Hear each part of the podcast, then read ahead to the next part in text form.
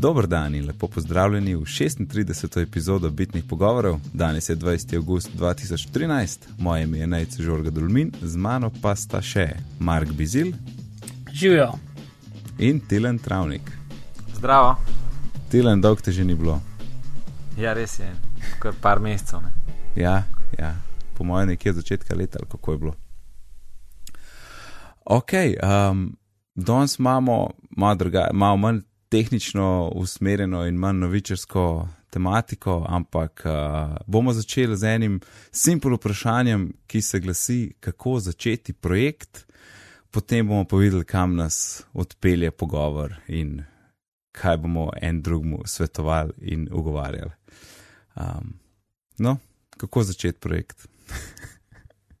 ja, jaz imam najprej čiste najbolj, ne, najbolj neučinkovit odgovor, ki je ja, odvisno od projekta pa konteksta. Ej, ta, ta odvisno, uh, odvisno odgovor uh, pažam tudi jaz, pa se starejši sem, večkrat je moj odgovor odvisno. To je ful smešno. Uh -huh. Tam pre ne 25 misliš, da imaš odgovor na vsa vprašanja, pa, pa mm. začneš vedno bolj uporabljati to besedo. E, to, to se spomnim, ker smo imeli mi GTD, pa sem jaz omenjal Next Action. Uh, pa sem rekel, da je sam važen, kaj si pri projektu, da sam veš, kaj je naslednji korak, tudi če ne veš vseh. Ne? In se ti takrat omenil ta um, completion versus. Uh, kaj je bila druga stvar? Ne, don't be a completionist, be a. Aha, ne, don't be a perfectionist, be a completionist. To. E, to, to, to, ja. To. Ja, ja. Ta, ta mi je bilo všeč, nisem takrat. Uh, čeprav, mislim, čeprav sem poznal uh, Next Action pa GTD-ju, um, nisem nikoli pomislil, da, da, v bistvu, da je res ok, če ne vem vsega, da, glan, da, da, da, da, da vem naslednjo stvar ne, in da se dokonča naslednja in naslednja in naslednja, tudi če ne vem vseh vnaprej. Ne. Ja, mislim, jaz, jaz moram reči, da, da tiste besede sem si takrat pozim začel malo bolj ponavljati in dejansko se fulenih stvari začne spreminjati po življenju, če, če delaš po principu completionista, ne perfectionista. Ne. Mm. Um, ne bom rekel sicer, da ni včasih tudi backfirala zadeva na mene, ne. v smislu tega, da pa ni čist narejen ali pa kaj tasga. Mm -hmm. Ampak po večini primerov je pa pač stvar good enough in, in, in pač doseže namen, in ti si vesel, ker si pač stvar naredil prej, kot si si mislil, da jo boš lahko naredil. Meni je ta časovna, ki si rekel prej, kot si mislil, to meni že uno sekundarno. Najprej sam, da je narejen. no, pa seveda to, no, sej pač večin, mislim, saj meni se tako dogaja, da pač ko neki je narejen, um, grem nekam drugam, na neko drugo nalogo. In, in mm. pol si vesel, če pač lahko nekam greš, recimo ob uri, ko si si zamislil, in ne 15 minut kasneje. Aha, prav tako, ja, ja, se strinjam, to je super. To je, to je najlepše. Pa včasih je tudi kompletna stvar, pa ne mislim zdaj v urah, ampak tako, ne vem, dneh, tednih potem, ko se enkrat lotiš in, in vidiš, kakšno je, in se spoprimeš tisto zadevo, in lahko vidiš, da ni to grozno, kot si mislil. In uh, je tudi zaradi tega potem lahko dosti krajši čas, ne, ker si se ti ustrašil, da bo to full trial, ne, po, po, po, ker, ker tudi nisi vedel, kako bo stvar laufala. Um, potem pa, ko zagrabiš, pa recimo se pač izkaže, da ni tako težko, ne, uh, si pa lahko dosti prej fertik. Sicer ni vedno tako, ampak. To, to je varijanta sem pa opazil, zdaj, ko jih začenjamo nove projekte. Ne, jaz sem bil tako enih zadnjih pet let tak blazen um, vernik v, v agilen pristop, v GTD, v to, da pač um, z nekim waterfall principom, se pravi tem klasičnim projektnim planiranjem, kjer imaš faze, pa gantogram z aktivnostmi in pa najdeš aktivnosti, ki so na kritični poti in tako naprej zdaj ne vem, ali tle bi šli v detajle ali ne, ampak skratka, vedno pač klasična delitev projektnega vodenja ne, je med klasično oziroma waterfall. Zakaj waterfall? Zato, ker um, če se spomnite MS Projecta in podobnih programov, ne, so vedno naredili nek tak graf, na katerem so bile narisane aktivnosti preko več dni. Uh, uh -huh. Ali pa tednov, ali pa mesecev, pač odvisno od velikosti projekta, in te aktivnosti so bile med sabo povezane. No, in temu grafu ne, se reče Gantt chart oziroma Gantogram. To je to, kar so tako črte aktivnosti po pač dolžini ča, tako, če, tako, časa in tudi se pač prikrivajo v nekih določenih točkah. Tako, ne? tako je. Hmm. Uh, prikrivajo se tiste, ki lahko uh, deloma ali pa v celoti potekajo usporedno. Mhm, ja, uh, no, in pač ta, ta Gantt chart ima eno tako lepo lasnost in to je to, da se ga da tudi matematično dobro upisati. In obstaja pač, uh, oziroma najosnovnejša projektna matematična operacija je iskanje kritične poti. To pomeni, da najdeš vse tiste aktivnosti v času trajanja projekta, ki neposredno, če se zavlečejo ali pa podaljšajo, vplivajo na čas trajanja projekta. Ne. Se pravi, imaš aktivnost A, B in C in D, ne, in mhm. recimo, če dve od teh potekata usporedno, ne, potem, če nista enak dolge, bo samo ena na kritični poti, ena pa ne bo. Ne. No, in ko se začnejo aktivnosti množiti in aktivnosti, uh, se pravi, ko začnemo projekt cepati na več aktivnosti, ne, se potem tudi ta kritična pot tako smešno začne premikati iz enega konca projekta na drugega. Tako da včasih tiste naloge, ki načeloma izgledajo najdaljše, ne, pa z katerih se najbolj bojimo, da jih je treba najprej začeti, postanejo v bistvu v realnosti zelo trivijalne v primerjavi z nekimi drobnimi, ampak zaporednimi aktivnostmi, ne, ki pa vse ležijo na kritični poti in z nobeno ne smemo zamuditi, ker vsaka podaljšuje projekt. Ne. In to je recimo en tak, se pravi, zaradi tega grafa, ne, ki večinoma zgleda kot ene stopnice, ne, um, se, se, se je pač tega klasičnega pristopa prijela. Um, Prijel zdaj v waterfall oziroma slab, ker če bi zlil vodo čez te stopnice, bi dobil slab. Um, ja, na dol gre. Ne? Na dol gre, ja. Mm, pač večina softverov tako riše, se v resnici bi šlo lahko tudi na gor. Um, ja, Pa zato, ker začneš tudi razmišljati, ne, ker začneš razmišljati o projektu, daš tiste stvari, ki so najprej na vrh seznama ne, in potem v bistvu to ja, tudi posledica. Tudi, tudi zaradi tega. No, drug ja. pristop ne, je pa v bistvu ta, ki je, ki je v bistvu bliže GTD-ju, se pravi to, da uh, imaš uh, just in time, just enough planiranje, ne, se pravi, da splaniraš tok, kar si sposoben v naslednji iteraciji, ki je lahko en teden ali pa dva tedna ali pa pač kakorkoli že zastaviš ta projekt. Skratka, da, da skupaj planiraš um, um, bolj pogosto in tudi med projektom. In načeloma je ta tip projektnega vodenja um, boljši za softverske projekte, zaradi tega, ker v softverskih projektih prihaja do ogromno sprememb. Um, mm. Jaz vedno ponazarjam razliko med, med, med recimo softverskimi projekti in nekimi projekti, recimo v gradbeništvu. Ne? V tem, da pač. To sem imel v mislih. Ja, mislim, dejansko ja. je dobra primerjava. Ne? Zato, ker recimo v gradbeništvu, ne, če imaš ti sezidano hišo in na tej hiši, ko je že sezidana, ne, hočeš zamenjati pozicije okna in vrata. Ne? Si pač vsak predstavlja, ne, da to za sabo potegne en kup stvari, da to ni enostaven poseg. Medtem, ko v softveru je pa predstavljati en gumb iz leve strani na desno, ne, tako navidezno zelo enostavna stvar. Mm, mm. Um, ja, se sam na zaslonu. Ne? Tako mm. je, v resnici mm. pa ni. In, in zato je pač uh, prišlo do te potrebe po sistemu projektnega vodenja, ki je bolj toleranten do sprememb, kot je Waterfall. Mm. Um, tako da jaz sem, jaz sem v bistvu svojo, svojo kariero projektnega vodenja začel tako, da sem.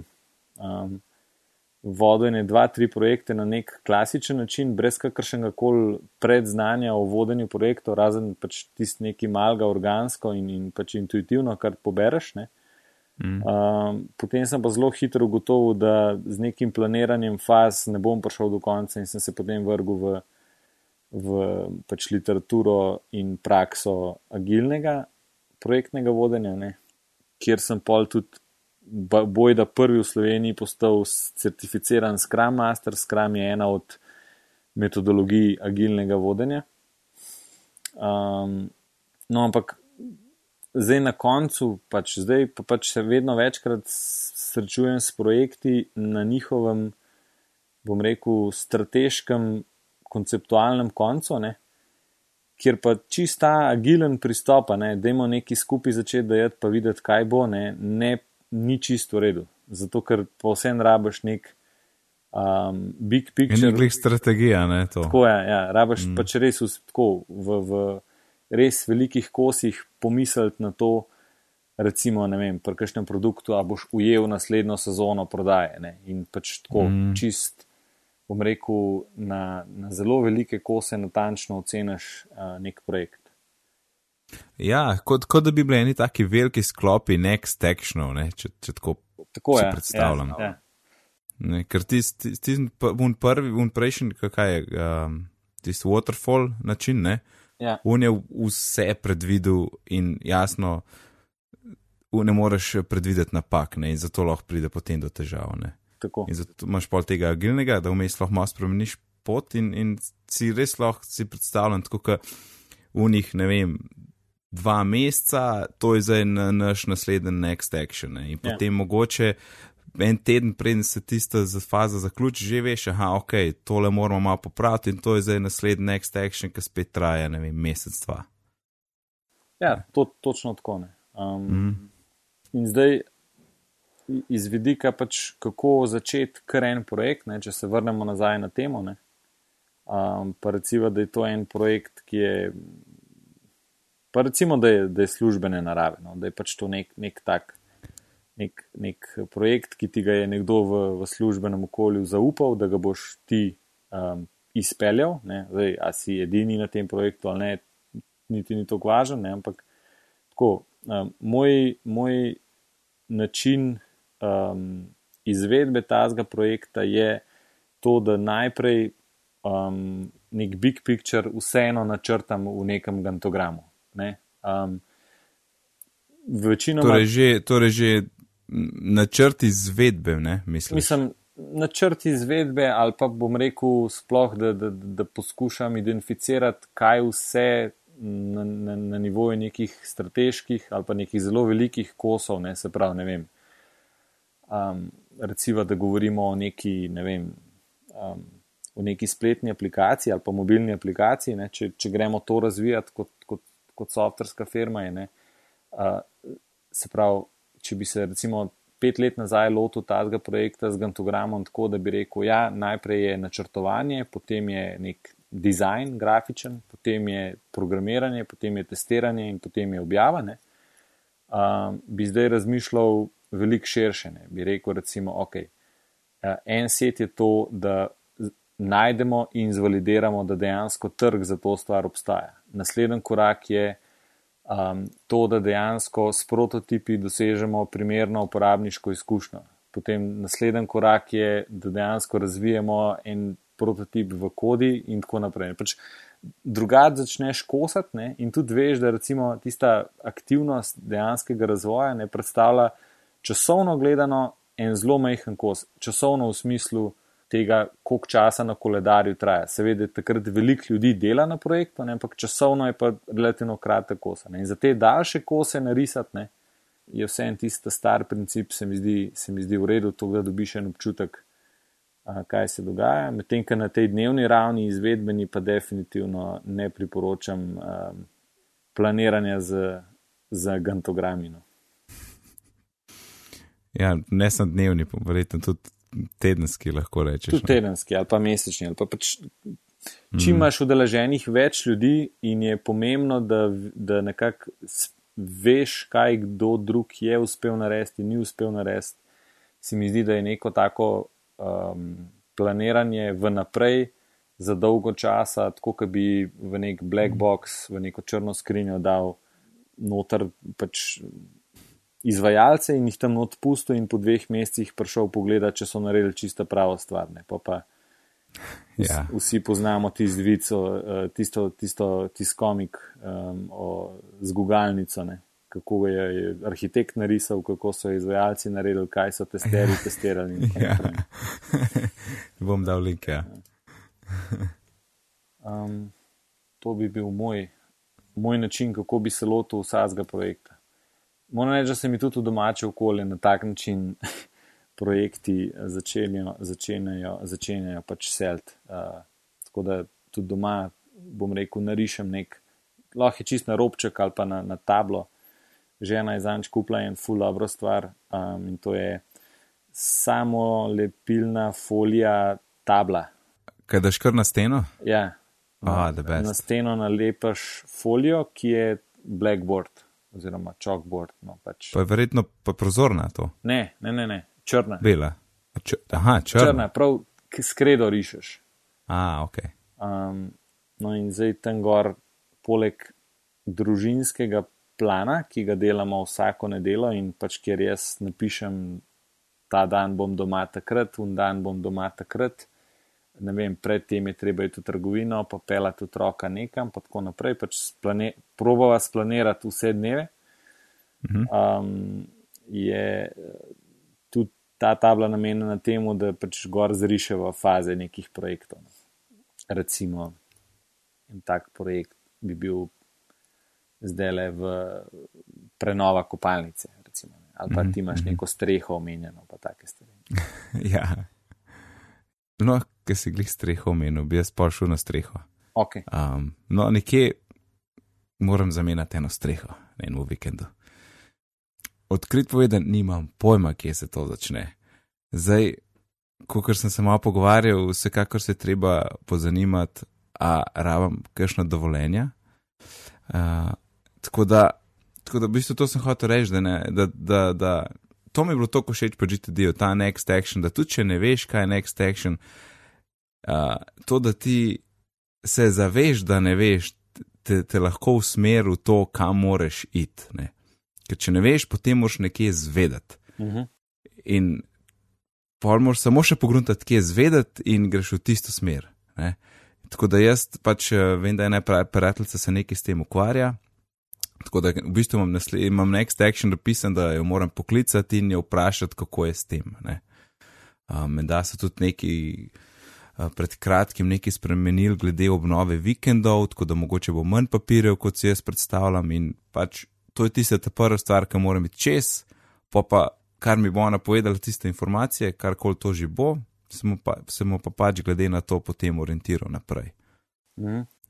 Ja, tako da uh, se mi zdi tle pri začetkih ta GTD Next Action metodologija, misel, kako koli temu rečemo, se mi zdi full praktična. Res, meni je, meni je res, ker sem nekako to poštekal, mi je full odprl no stvari. Da, Sej, uh, veš, vici ja. v tem, ne, da, da mi, mi agilci, ne, kao mislimo, da smo pač, oziroma GTD-ovci mislimo, da smo pa s tem, ker pa se prasilimo v to, da razmišljamo o next actionu, ne, odkrili neki revolucionarno novega. Ne, ne uh, samo resnic, v bistvu, resnica je v tem, da vse, vse projektne metodologije ne, na nek način um, to že imajo. Ne. Tudi recimo v, v waterfall načinu planiranja ne, imaš proces, ki se mu reče work breakdown, in rezultat tega je work breakdown structure. Ne.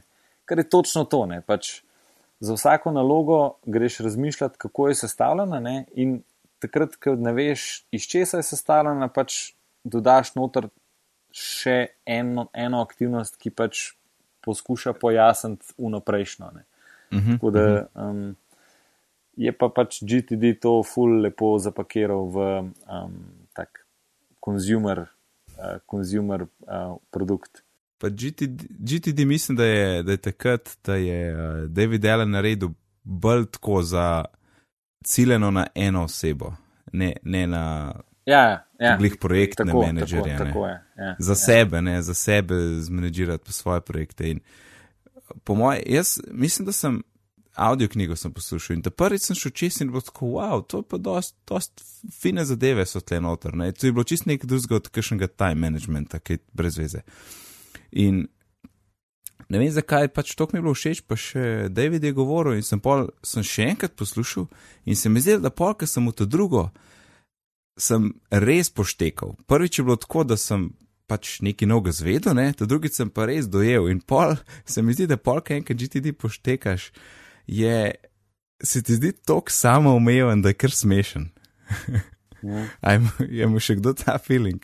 Mislim, meni, jaz sem, moja izkušnja bila drugačna, mislim, malo drugačna. Jaz nisem šel dvakrat knjige brati, um, ampak sem že takrat, ko sem jo prvič bral, v bistvu nekako dobro, kot si rekel, zveš nekaj novega. Pa tako nekaj sem si izpisal, ok, to pa to bi mogel narediti. Skratka, meni se je ustavil pri tem, vse smo takrat že govorili o tem capture procesu, ki imaš te trigger liste, pa to, da narediš mm -hmm. ta prvi inicialni prenos vsega v nek um, ja, ja. zaupanje vreden sistem. No? In, in jaz sem to moč tega sistema dojel, ker sem v bistvu naredil ta prvi capture, ker sem dejansko iz nekega konstantnega stanja obremenjenega možgana prišel v, um, v neko nirvano, iz vidika tega, da, da, da sem vedel, da v, v tistem, ampak to je bilo res v pač tistem trenutku, pa mogoče še par ur po tistem, ne, da tako, I'm free. Um, ja, in, ja. in sem tam dojel pač to moč tega sistema, ne, ne toliko prek teh. Um, Mislim, ne toliko prek uh, vsakdanje rabe, ampak bolj kot ko sem šel čez ta proces. No. Um, ja, ja, ja, ja. Zajema. Uh, Mark, um, mi da so že nekaj povedali, boš kaj skočil? Oh, Živijo najc. Um, v bistvu nimam full velik za dodatno. A imaš kakšno streho za zamenjati?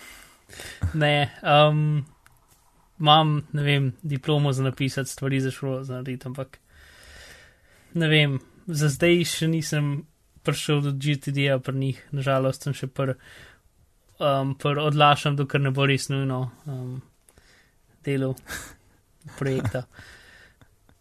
Ja, no, kako se boš diplome lotil? Uh, ne vem še.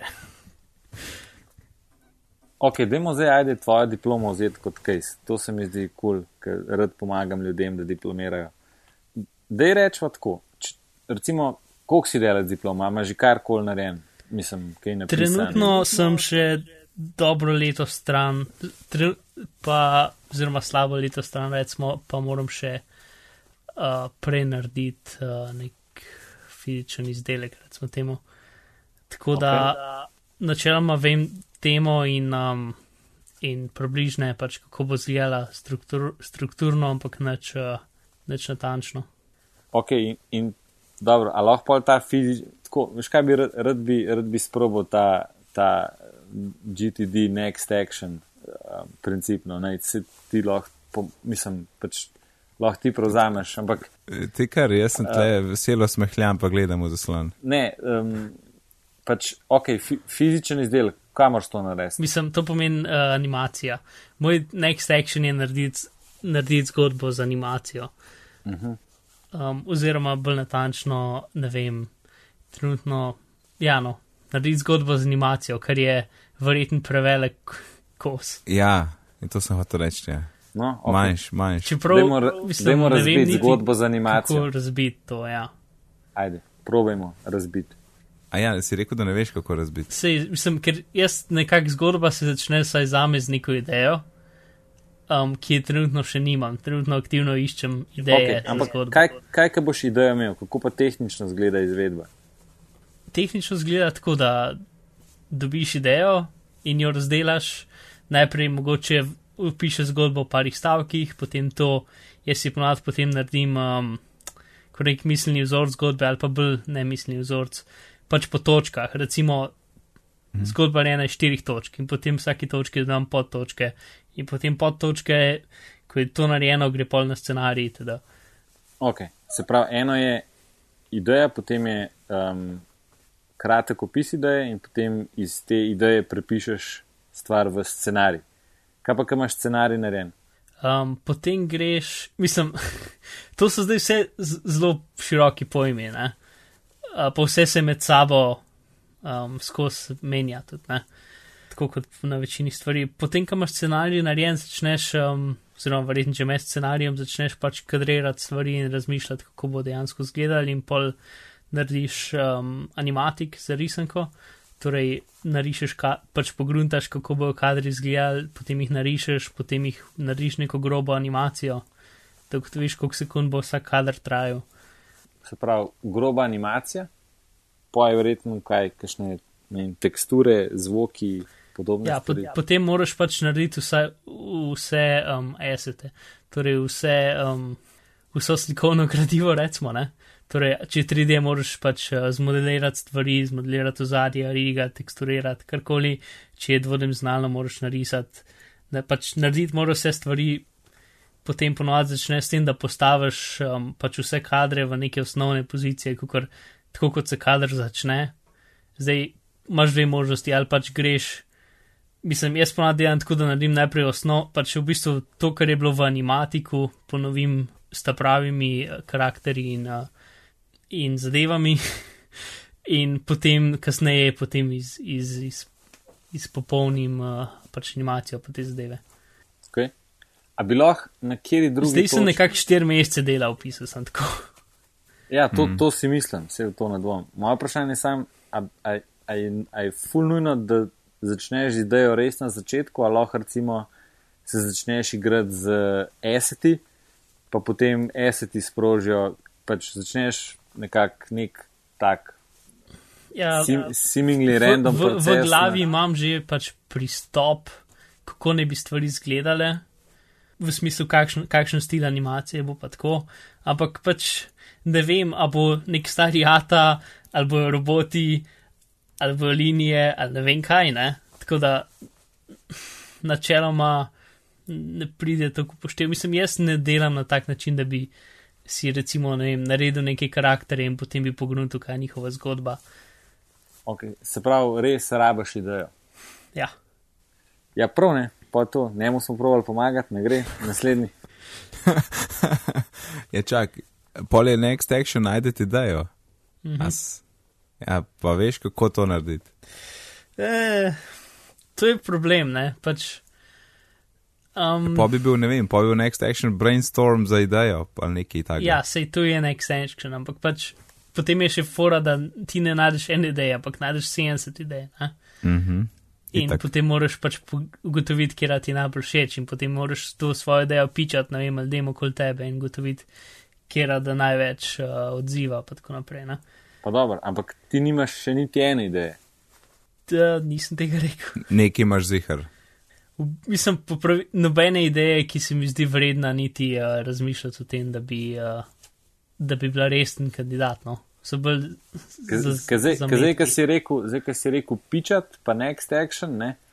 A veš, meni bi se zdaj logično, ok, ne, imam pet zelo, zelo slabih idej, ne.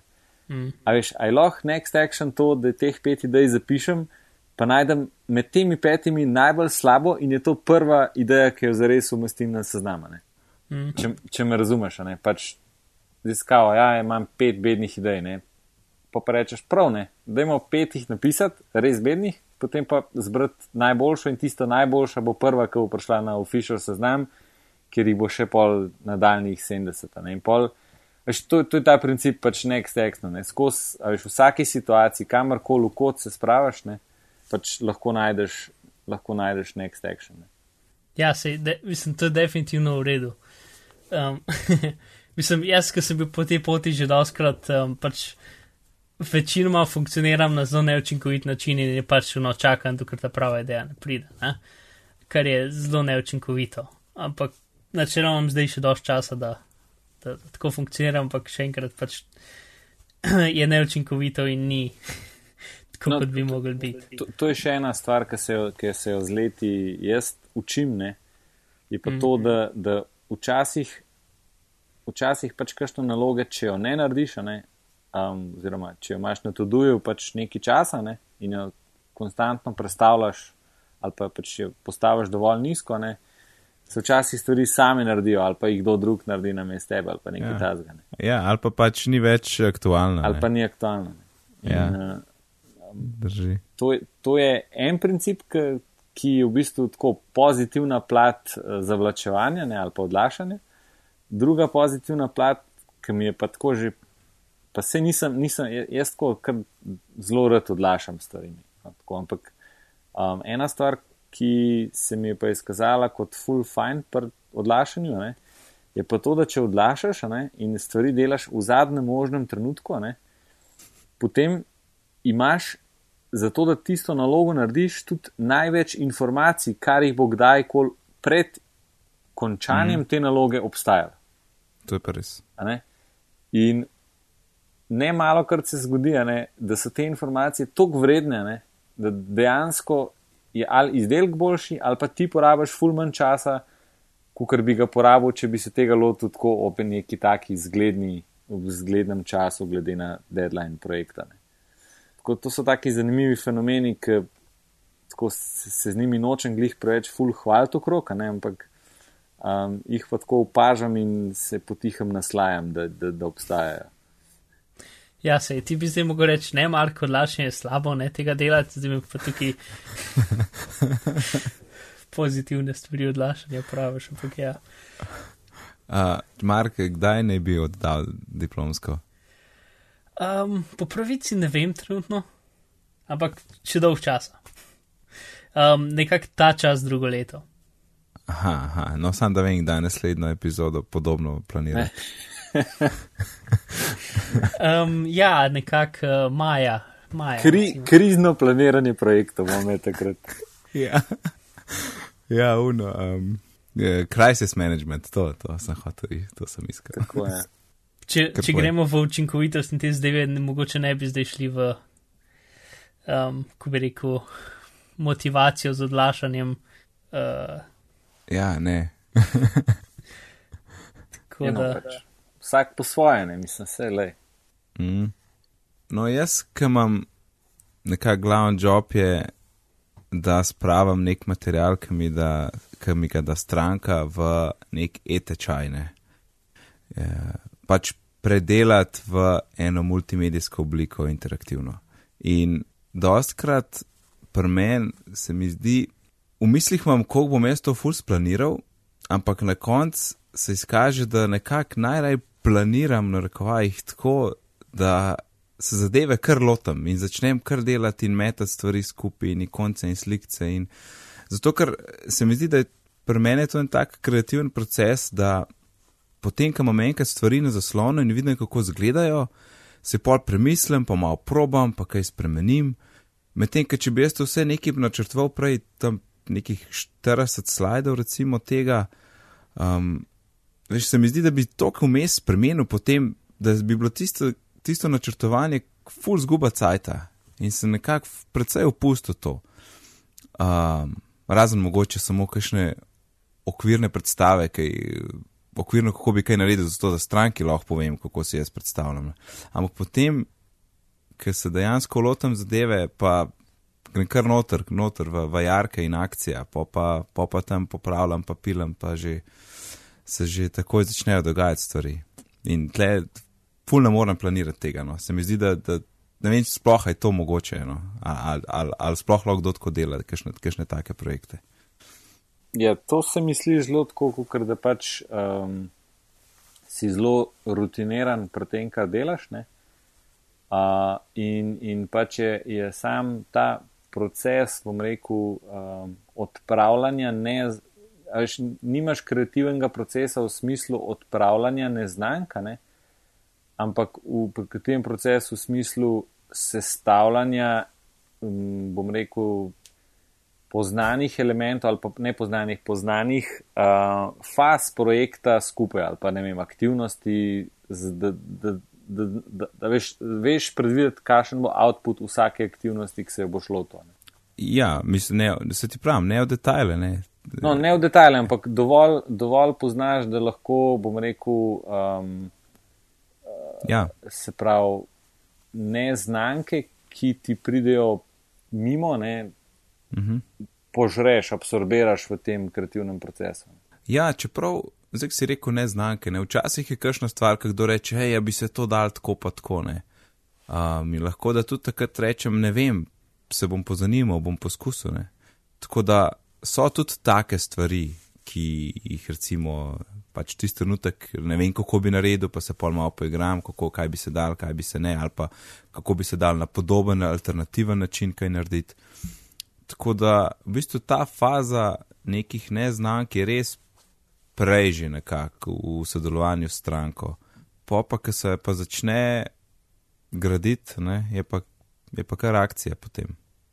No, pa sej, a veš, če si rekel, to, to je recimo spet ne, tipičen primer iz agilnega, agilnega planiranja oziroma iz agilnega vodenja projektov ali pa pro, projektov razvoja programske preme, je, je to, da, da rečeš, ne vem, se bom pozanimal.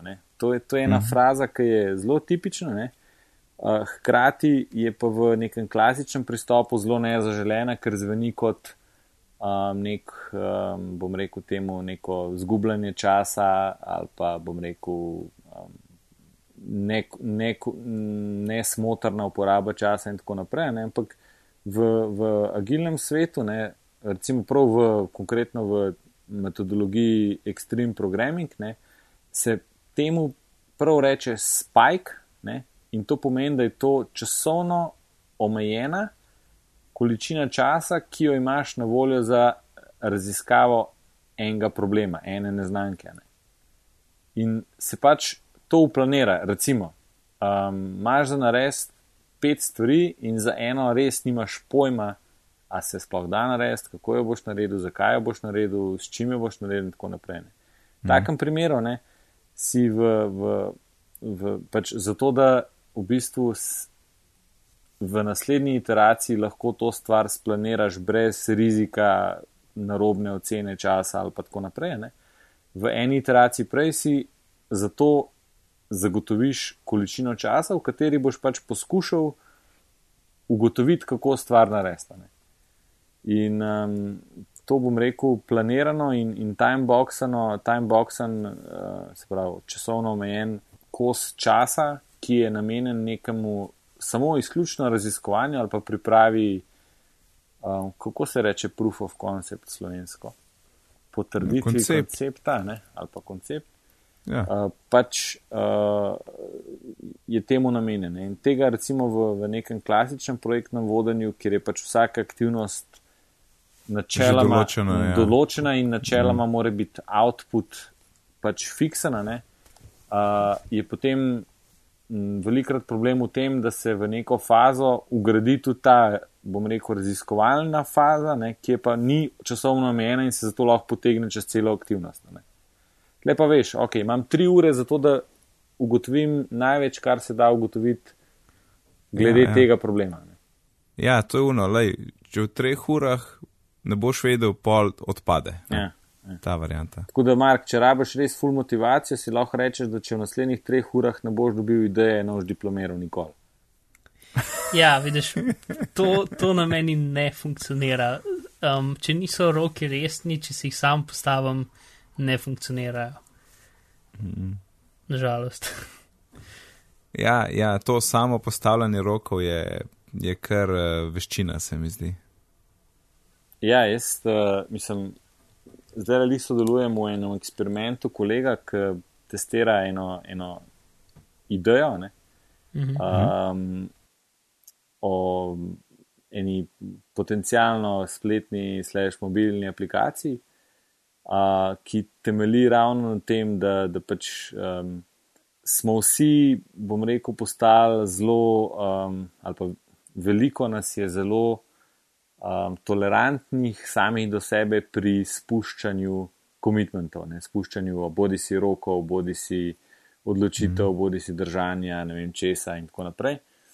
In je pač uh, z nek tak. S takim uh, denarno, gamificiranim pristopom začel, uh, začel to stvar um, sprobavati, ne, na kakšen način bi ljudje lahko najbolj motiviral, oziroma kako bi dosegel najboljši uh, učinek pri, bom rekel, nekem, pri nekem komitmentu. Ne. Zdaj pač sodelujem kot pri alfa tester, ne se pravi, um, mi zelo radi delamo na papirnih prototipih in tako naprej.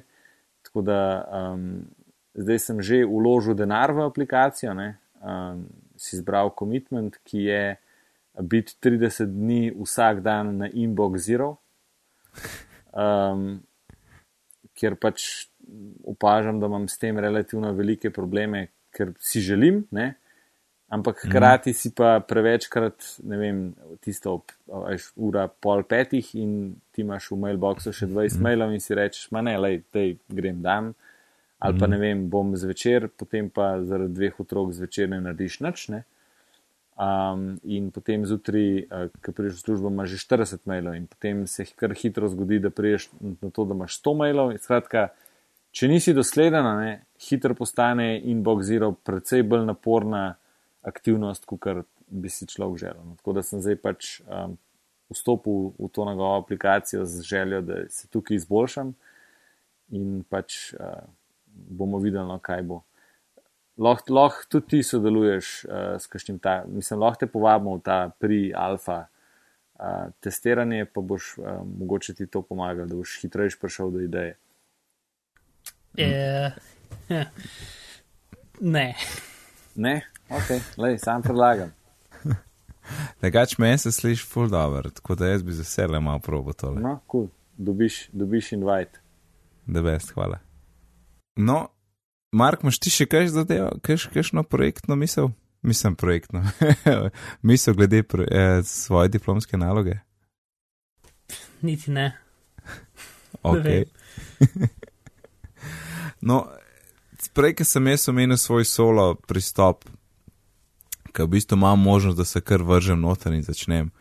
Se mi pa zdi, da je to skoraj nemogoče pri skupinskih projektih. Tam mora biti nek, nek načrt prej pripravljen, pa tudi če sta samo dva. Ok, mogoče če sta dva bi še šlo, ampak kaj več pa res ne. ne. Tako da kdorkoli je vodja, bi, bi mogel imeti vsaj za nekaj dni nek načrt, se, kaj, kaj kdo kaj dela. Si ne predstavljam, da bi da bi kar tako, tako malo, da bi vsak mečken malo probo, tako kot jaz lahko osebno. Ne.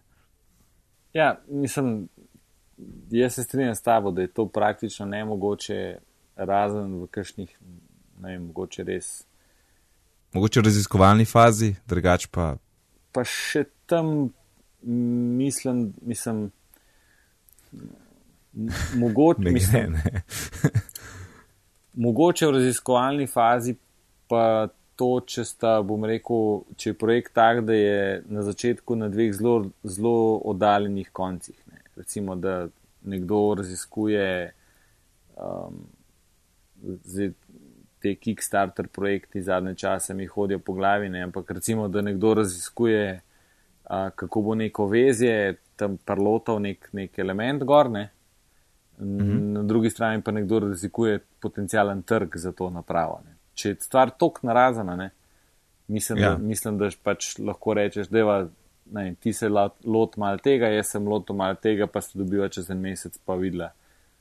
Ampak to je mhm. res una research faza. Čim je pa pač cilj neki sestaviti, neki, neki premakniti v smislu, sploh tako, da na enem projektu ali pa na, na, na eni fizični stvari ali pa na enem, ne vem, čem je pa takoj potrebno planiranje. Ja, nekako koliko so aktivnosti odvisne ena od druge, ali pa so neke soodvisnosti, je raba še načrtna. In pa seveda sprotno korigiranje potem. Mm. A, mogoče še damo kakšne sklepne misli, a, pa skočimo še na priporočila. Lahko. No, Mark. Živijo nec. Um, planiranje je dobra ideja, ne vem.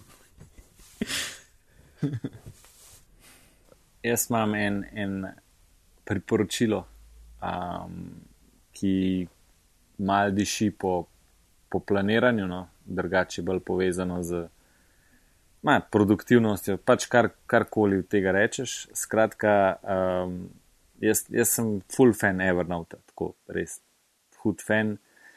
Um, in, yeah, ja, high, high five. Ja, high five. Ja. Uh, in hkrati sem pa tudi nekdo, ki je uh, vse življenje v fizičnih zvezkih, blokcih in tako naprej. Ne, približno polovico kulija porabil vsakič za čečkarije. Um, in, in to je ena stvar, ki sem jo pa ob prehodu na paperless, ne, moram reči, kar začel pogrešati. To, da med sestankom, ko v bistvu moraš nekoga zbrano poslušati, ne, uh, da, ga, da lahko ti med tem mal čečkaš, pa rišeš neke, ne, ne protko glih, da bi mogel misliti na to, kaj rišeš, ampak tako neke like, neke črtice, neke Te vzorčke. doodles, ne? Te dudle, ja. No Ja. in to sem, to sem v bistvu zelo pogrešal. Um, pa sem pa pred kratkim prebral nek članek, kjer so ne vem, kakšen research naredili in so ugotovili, da, da pač z risanjem teh dudlov v bistvu lahko ful izboljša svoje kognitivne sposobnosti. Ne. Se pravi, če to rišeš, boljš poslušaš, bolj razumeš, bolj si kreativen, bla, bla, bla, bla, bla ne. Pa sem rekel, ok, zdaj pa moram jaz najti nek excuse, ki bo dost kul, cool, da bom jaz spet imel blokec. Ne? No, in uh, spomnil sem se na en promo e-mail od, od Evernota, kjer so mi ponujali Moleskin um, ali Moleskine, kako koli pač izgovarjamo. A, vem, kaj misliš? Evernote, Moleskine, neki neki blokec. Ne?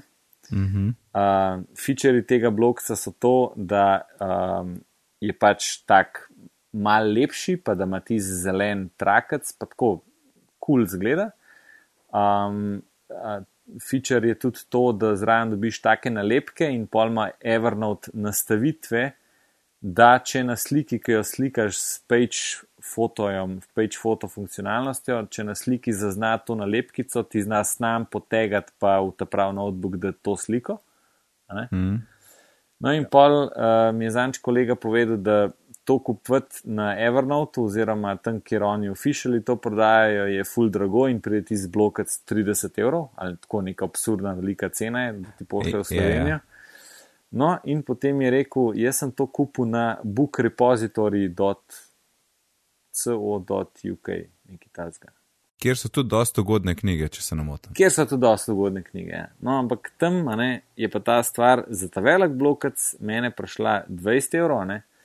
Mhm. In to je bilo pa že tisto, da sem pač rekel, da 20 evrov sicer je velik denarja, ampak ne, če dobim pa ta velik blokac, pa lahko bom izpolnil željo po čečkanju oziroma risanju in razlaganju z, ri- z risbicami. Ne. In vse to skupaj bo šlo še avtomatsko v Evernote. Ne. Skratka, win-win situacija, ne bom pa to naročil, tako da moj, moj tip je na Book Repository, na Book, Book Depositoryju si naročite Evernote Molskin Blokac, ker je vsaj 30 postov cnej, kot na uradni strani. Pa š- aj, aj drugač možnost. Jaz sem itek takoj, ko sem videl une, une nalepke, pomislil, a se da to skopirati, pa sprintati svoje nalepke. Aj, Zi, zihar se da, ne. Nisem niti pomislil na to, ampak ne vidim razloga, zakaj ne bi to delali. Da lahko mislim, da oni še neki črte gledajo, da se ujema z mole skinom. Nisem čist pripričan, ampak gotovo je en, en gig to tam zunži pokrunto. Ja, mislim, oni pravijo, da moraš tisti kazal, ti zelen trakec, ki ti v moleskinu označuje, do kjer strani si že pač um, prišel. Ne? Ta trakec je v navadnem moleskinu je črn, v tem moleskinu je pač Evernote Green, kot je tudi Ja. elastika Evernote Green. Pač oni pravijo, da moraš tisti trakec dati čez, pa slikati, ampak ne vem, jaz moram reči, da se še nisem toliko igral z nalepkicami, ker ne mislim, da sem dva dni nazaj dubil stvar po pošti. In, um, ne vem, ampak ne predstavljam si, da bi, da bi kaj ekstra še, še gledal. No. Po, po moje. Po mojem naredijo recognition nalepkic in če bi jih sprintal, bi jih pa pač sprintal. No, to me, um, to me ful zanima, kaj, kako bo šla ta tvoja uporaba z mole skinetom in dudlanjem in nalepkicami in Evernotom, tako da to, to boš prišel nazaj pa povedal. Ajde, v redu, bom povedal z veseljem. Um, sam da kaj nadudlamo. Pa Mislim, ker vmes sem že dudlal polne in papir, ne? oziroma tako en tak zasilni blokec. Um, Za silni blokec. Mislim, da imamo šel title. zdaj imam pa proper blokec. Kul, kul. Um, Mark, imaš ti že kaj uh, pripravljen? Za, Za priporočila? glavnem, ok, moja zadeva. Um, če se spomnimo, zdaj, ko smo jih pri Tudujih, ene par, kar ene par vdaj nazaj smo omenili Carrot, Tudu aplikacijo, ki je Tudu aplikacija, ki ima nekako, recimo temu, greno irco, oziroma pač, um, kar neko zdobno umetno inteligenco, ki komentira na te stvari, kaj delaš, pa ti daje naloge, pa je cela zgodbica not, pa ne vem kaj. Um, je zdaj razvijalec tega naredil novo aplikacijo, uh, ki se imenuje Carrot um, Alarm in je budilka za iPhone. Um, in kar je kul, cool je to, da pač eno je um, fulje preprosto za uporabo. V bistvu, če kdo kdaj videl Rise, je več ali manj tako, torej potegneš gor dol, naštavaš čas, potegneš levo in je, in pač je budilka nastavljena. Um, Tisto, kar je pa kul, cool, je pa to, da pač eno noter je fulnih zgodbic, pa malih zadev, pa iste rego, pa ne vem česa vsega, in drugo je pač to, da um, moraš, ko bi rekel, vsa, zvoni, vsakič, ko te budi, te budi z nečim drugim, ker je tako tavžen, preveč zvonen noter, pa nekaj, začne ti neko zgodbico pripovedovati, pa ne vem kaj vse, pač izjemno zabavno, plus uh, moraš rešiti stvari da, se, da, da ti nehate žiti. Um, kar so tudi, ne vem, pač pritisni na to zadevo, da spustiš strupen plin, pritisni na to zadevo, da, ali pa ne vem, obrni v kol telefon, da utopiš um, dojenčke itd. Pač take hecne zadeve so moraš en kup stvari narediti. Um, da ne, da te, in to te dokaj učinkovito tudi zbudi. Če pa snuzaš, ja. um, poš možno snuzanja in potem rata, če pol rata jezna na te, um, te te pač pusti pet minut in potem ti še bolj teži, pač, da, te, da se zbudiš, plus moraš še več stvari rešiti, da ti neha težiti. Uh, tako da je res učinkovita budilka. Mislim, tisto, kar mi je všeč, je to, da ima full, full različnih zvonen, ker jaz sem tak človek, da moram ne vem, enkrat na mesec menjati zvonenje, nujno, ker drugače ga sploh ne slišim več. tako da je to super rešitev. Mislim, da zdaj, uno, imam, ne vem, manj kot en teden, ampak vsak dan takoj, ker jaz sem zelo velik uh, uporabnik snus funkcije. Um, ponovadi, ne vem, stane mene pure, potem, ko mi zvoni budilka, tako da ponovadi prej naštimam.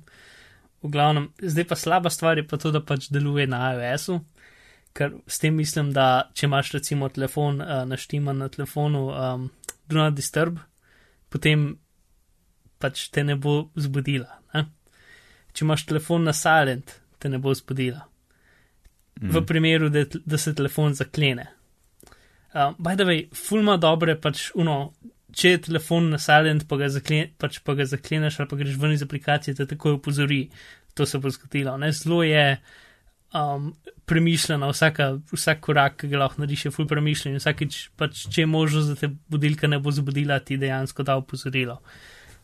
Tako da načeloma lahko pač pustiš telefon odklenjen in ga daš pač uh, zaslonom dol in potem uporablja senzor oddaljenosti, da v bistvu ugasne zaslon, čeprav je, zasl čeprav je telefon odklenjen. Ne? In ko ga, poln, pa, če ga polniš čez noč, potem pač ga ne, ga daš povend in ga daš samo na poslo ali pač na marco dol.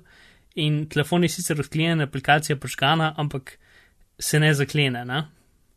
In ja, zato ja, ja. pač aplikacija še tako, tako da tudi če imaš telefon potih ali pa do not disturb, um, te bo še zmeraj spodila. Ja, se do not disturb itak ne dela, če imaš telefon prižgan. Ne, ja, da. sej. Uh, to, kaj še ta zga. Ja, edina slaba funkcija, funkcionalnost, ki upam, da bo odpravljena, bi mogel pisati pač za nekoga, ki rad posluša podcaste ali glasbo ali pa karkoli, preden gre spat, pač ko jo požgeš, pozira glasbo, ko ne vem, jo nastaviš, da zazvoni, mislim, alarm požgeš, pozira glasbo itd. Mm -hmm.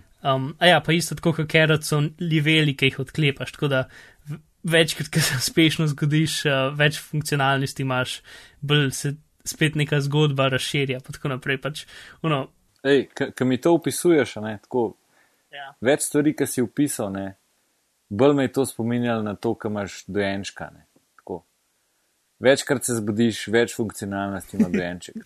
To je res. Lepa. Veš, uh, ful je zakomplicirano včasih pogruntati, kako ga utišati. To, to ima tudi dojenček. Ne? Mm. Um, ne moreš drugih stvari početi, če imaš dojenček. Tudi to je res. Tako, tako da mogoče, mogoče namest tega epa si samega dojenčka misliš in to je to. To se, mislim, e, app se dela, da, da je zlobna umetna inteligenca, tako da načeloma uh, ni dosti več. Uh, v bistvu, tako je, kot da bi združil budilko z, če se kdo spomne, v igrice Space Team, ki moraš klikati Ja, stvari, jaz- pa delati jaz zadeve po navodilih. Pa lih tako, Space Team je še zmerno zastovljen tudi za Android, tako da, če ima kdo Androida. ja, Ok, kul. Cool.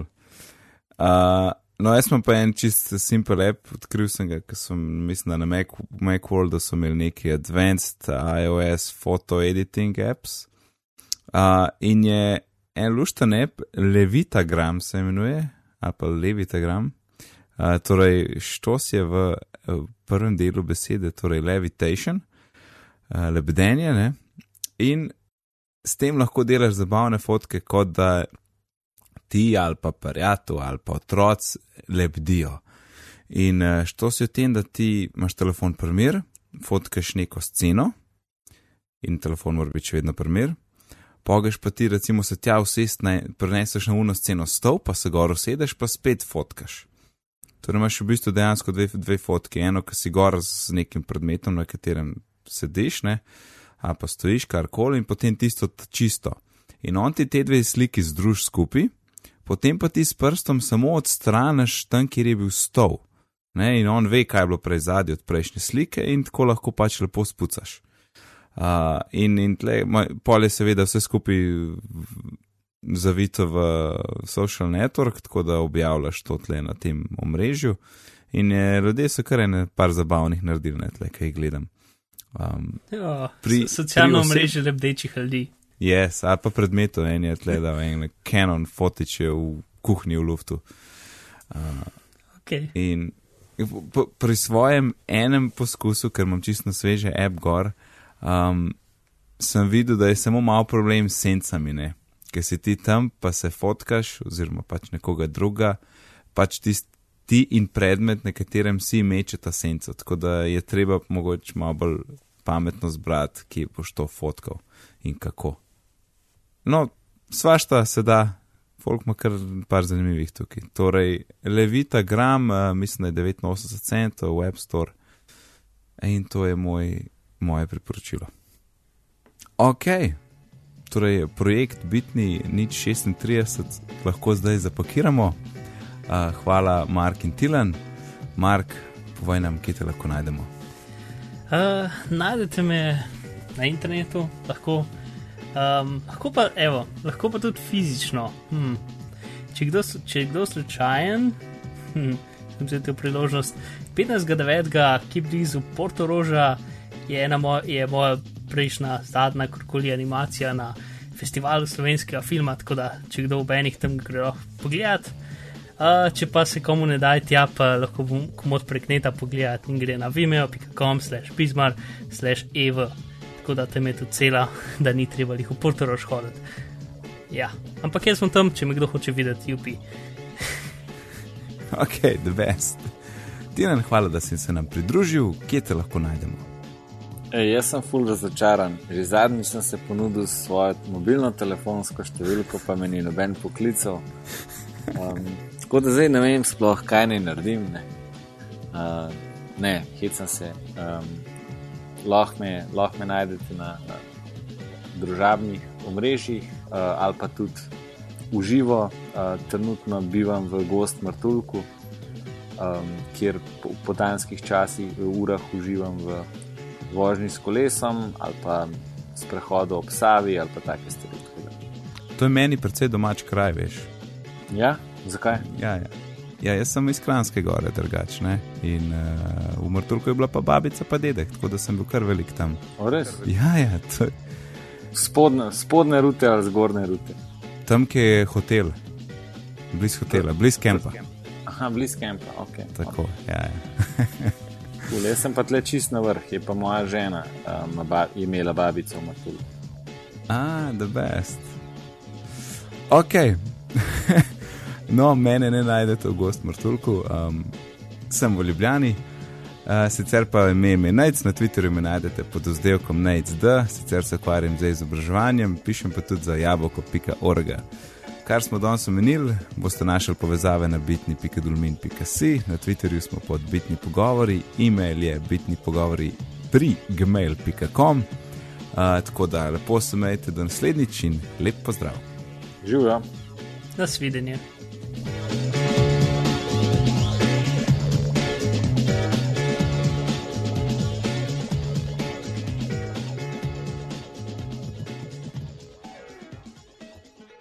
Se vem, kva Ma- boš. Ja. A, a to prešparamo se kdaj ali to zdaj? Ne, kar da je, kar da je, nama čakal. Um, ok. Hm, da pomislim, kako zdaj to. A si to slučajno ti hotel? Itak, da sem, ampak vse imam tudi kaj drugega. Ti kar povej. Ker drugače zelo tiskal sem prejšnji teden, pa mislil. Ne, kar da je to, kaj je bolj aktualno. Ok. Ja.